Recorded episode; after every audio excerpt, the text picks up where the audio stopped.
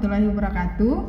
Kembali lagi bersama kita bertiga di sini ada aku Cici, Dina dan Ami. Ini adalah Climate Podcast episode kedua kita. Di sini kita bakal ngebahas terkait dengan apa itu iklim, terus unsur-unsur iklimnya itu apa saja dan beberapa hal lain yang terkait juga dengan kualitas udara. Episode kedua ini tuh kayak apa ya? Kita memenuhi janji kita di episode pertama kemarin iklim itu selalu kita tidak bisa pisahkan dengan cuaca. Nah, jadi kalau misalnya kita tahu kalau cuaca itu adalah eh, keadaan pada waktu yang singkat. Nah, kalau iklim itu adalah keadaan jangka waktunya itu adalah jangka waktu yang panjang. Cuaca itu misalkan kita di Pondok Betung, itu hujan deras banget. Tiba-tiba di Jakarta Pusat, eh ternyata dia terang banget. Nah, itu tuh namanya cuaca. Jadi kalau misalnya kita ambil contoh iklim itu untuk wilayah yang e, cukup luas, misalnya saja adalah negara kita Indonesia iklimnya adalah iklim tropis. Gampangnya gini, dia itu cuma punya dua musim, musim hujan sama musim kemarau. Udah gitu aja, cuma musim dua musim itu aja. Nah selain iklim tropis, sebenarnya masih banyak iklim lain di dunia. Kayak contohnya itu subtropis, iklim sedang, dan juga iklim kutub. Hmm, kalau tropis tadi kan musimnya cuma dua. Nah, kalau subtropis iklimnya itu lebih banyak. Jadi dia nggak cuma musim hujan dan musim kemarau aja. Iklim sedang itu dia yang kelihatan banget tuh antara empat musimnya. Jadi yang kayak romantis-romantis gitu, ada musim gugur, hmm. terus habis itu oh. musim hujan, eh musim hujan, musim salju, yeah. terus musim semi, musim semi, ah yang kayak gitu-gitu. Nah, iklim yang ada di kutub. Kutub kan ada dua ya kutub utara sama kutub selatan. Biasanya dia pengaruh banget sama tumbuhannya. Jadi di sana yang bisa tumbuh di kutub cuma beberapa tanaman kalau nggak salah ya. Lumut-lumutan terus kayak tundra kayak gitu. Jadi beda banget lah sama di tropis. Dan hewan-hewannya juga hewan-hewan tertentu yang bisa tinggal yeah. di daerah kutub ya kayak beruang kutub Iya sih beruang kutub, penguin, lucu-lucu lagi. Anjing laut. Tapi yang paling favorit tetap iklim sedang sih. Dia iya. rasa banget romantisnya. Ada salju, abis salju dia semi, iya. kembang-kembangnya pada mekar. Abis itu musim gugur. panas, abis itu gugur. Nah kalau Indonesia panas dingin, panas, panas dingin. dingin. Jadi kayak hati kita ya, panas iya. dingin, panas Itu banget ya Mbak Cici. Oh, enggak, udah anak muda. Pengen banget jadinya kan ke luar negeri semoga ya bareng-bareng kita ya Oke, jadi kalau misalnya kita melihat bahwa iklim di suatu negara atau suatu wilayah itu berbeda-beda, itu e, disebabkan oleh beberapa hal. Misalnya karena bentuk bumi itu yang bulat juga, terus jenis permukaan dari bumi itu sendiri beraneka ragam. E, selain itu juga ada topografinya yang beda-beda, e, ada respon dari sinaran matahari yang diterima oleh permukaan bumi yang beda-beda. Jadi iklim di suatu tempat itu e, banyak e, faktor yang mempengaruhinya.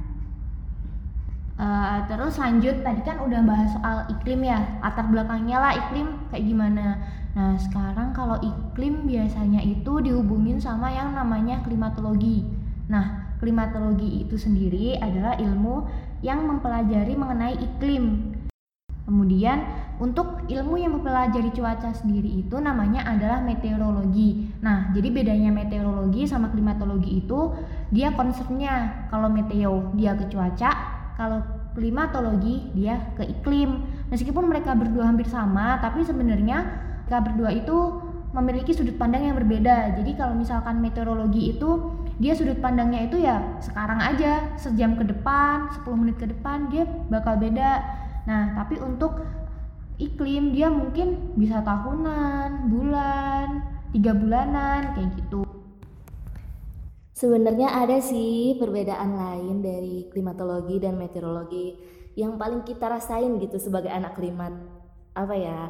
Itu loh, pelajarannya itu lebih banyak ngitung-ngitung. Nah, terus juga kalau misalnya kita ngitung pakai Excel atau kita buat uh, Excel gitu ya, uh, sheetnya itu tuh bisa sampai banyak kali kadang itu kita sampai pusing sendiri karena berputar di Excel itu.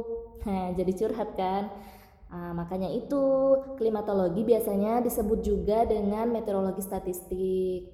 Karena emang kita harus mempelajari statistik juga gitu. Ya jadi dia lebih banyak hitung-hitungannya karena dia e, dalam jangka waktu yang panjang jadi kita e, mengolah data-data itu membutuhkan ilmu ilmu-ilmu statistik juga Jadi data-datanya klimatologi itu lebih banyak daripada meteo. Soalnya meteo kan cuma eh, mungkin beberapa jam yang lalu untuk perakiraan. Nah, kalau klimat dia butuh data minimal 10 tahun. Semakin banyak datanya, maka perakiraannya, prediksinya si klimat dan apa penelitiannya di klimat dia makin bagus. Bisa nyampe ribuan juga nggak apa-apa kalau. Nah, tadi kan kita udah bahas tuh tentang apa sih bedanya meteorologi dan klimatologi. Nah, karena orang-orang tuh emang banyaknya itu bilang itu tuh sama, padahal antara klimatologi dan meteorologi itu tuh beda, gak bisa disamain gitu. Jadi gini deh, biar kalian lebih paham tentang bedanya apa antara klimatologi dan meteorologi, saya akan jelaskan apa itu unsur-unsur klimatologi dan meteorologi.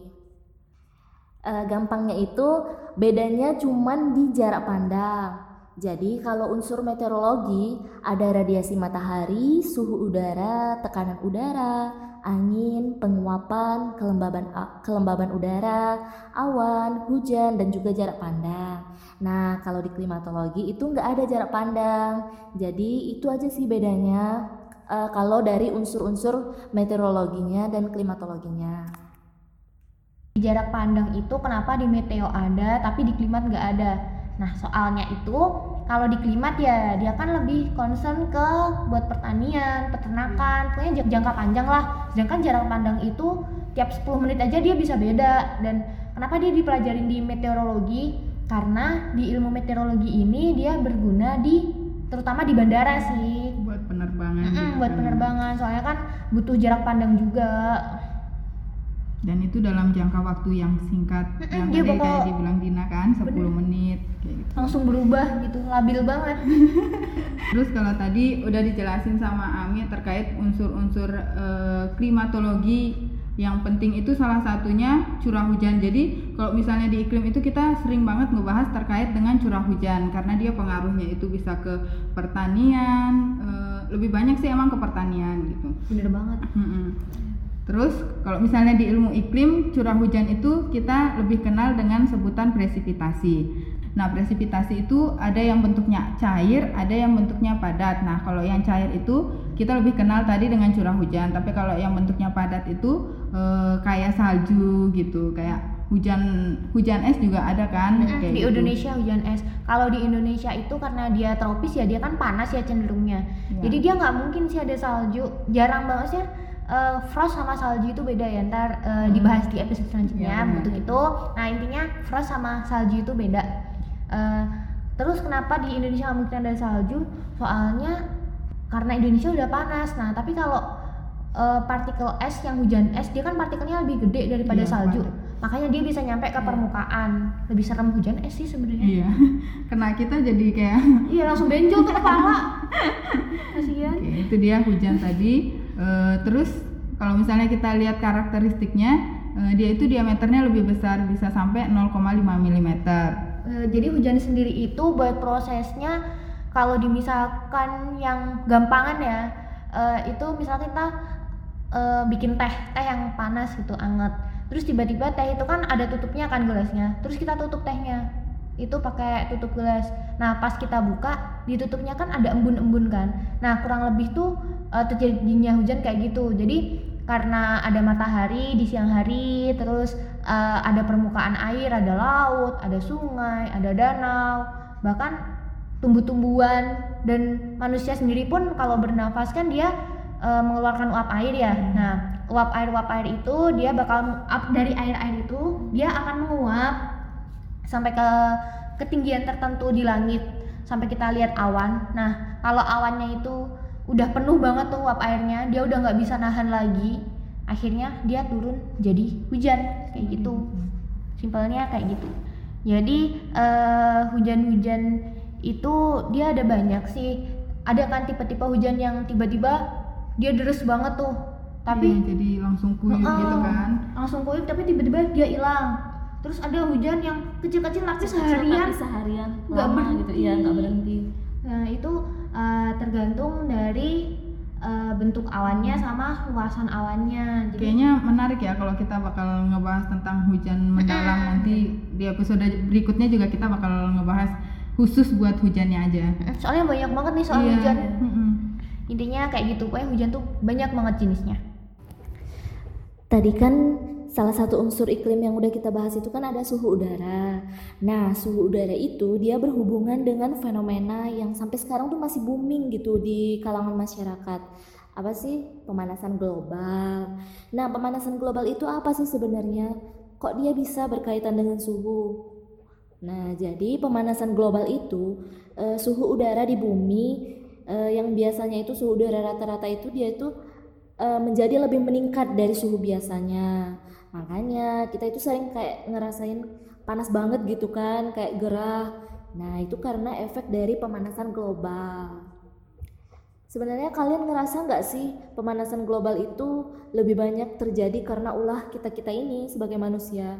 Kayak misalkan kita kan uh, pakai AC, terus dari polusi-polusi kendaraan bermotor atau polusi-polusi kendaraan lain gitu kan. Terus apalagi sekarang tuh kan banyak gedung-gedung yang uh, berkaca-kaca itu kan. Nah, itu tuh bisa menyebabkan gas rumah kaca menjadi lebih meningkat sehingga terjadilah pemanasan global. Padahal ya, gas rumah kaca itu kan gas yang dapat menahan panas di bumi. Nah, sebenarnya dia itu dapat ini loh apa memiliki manfaat dia itu dapat menyelimuti bumi dan membuat makhluk hidup kayak kita-kita gini menjadi lebih nyaman hidup di bumi. Ya, tapi karena gas rumah kaca tersebut lebih meningkat dari biasanya, lebih meningkat drastis gitu. Nah, jadi terjadilah pemanasan global.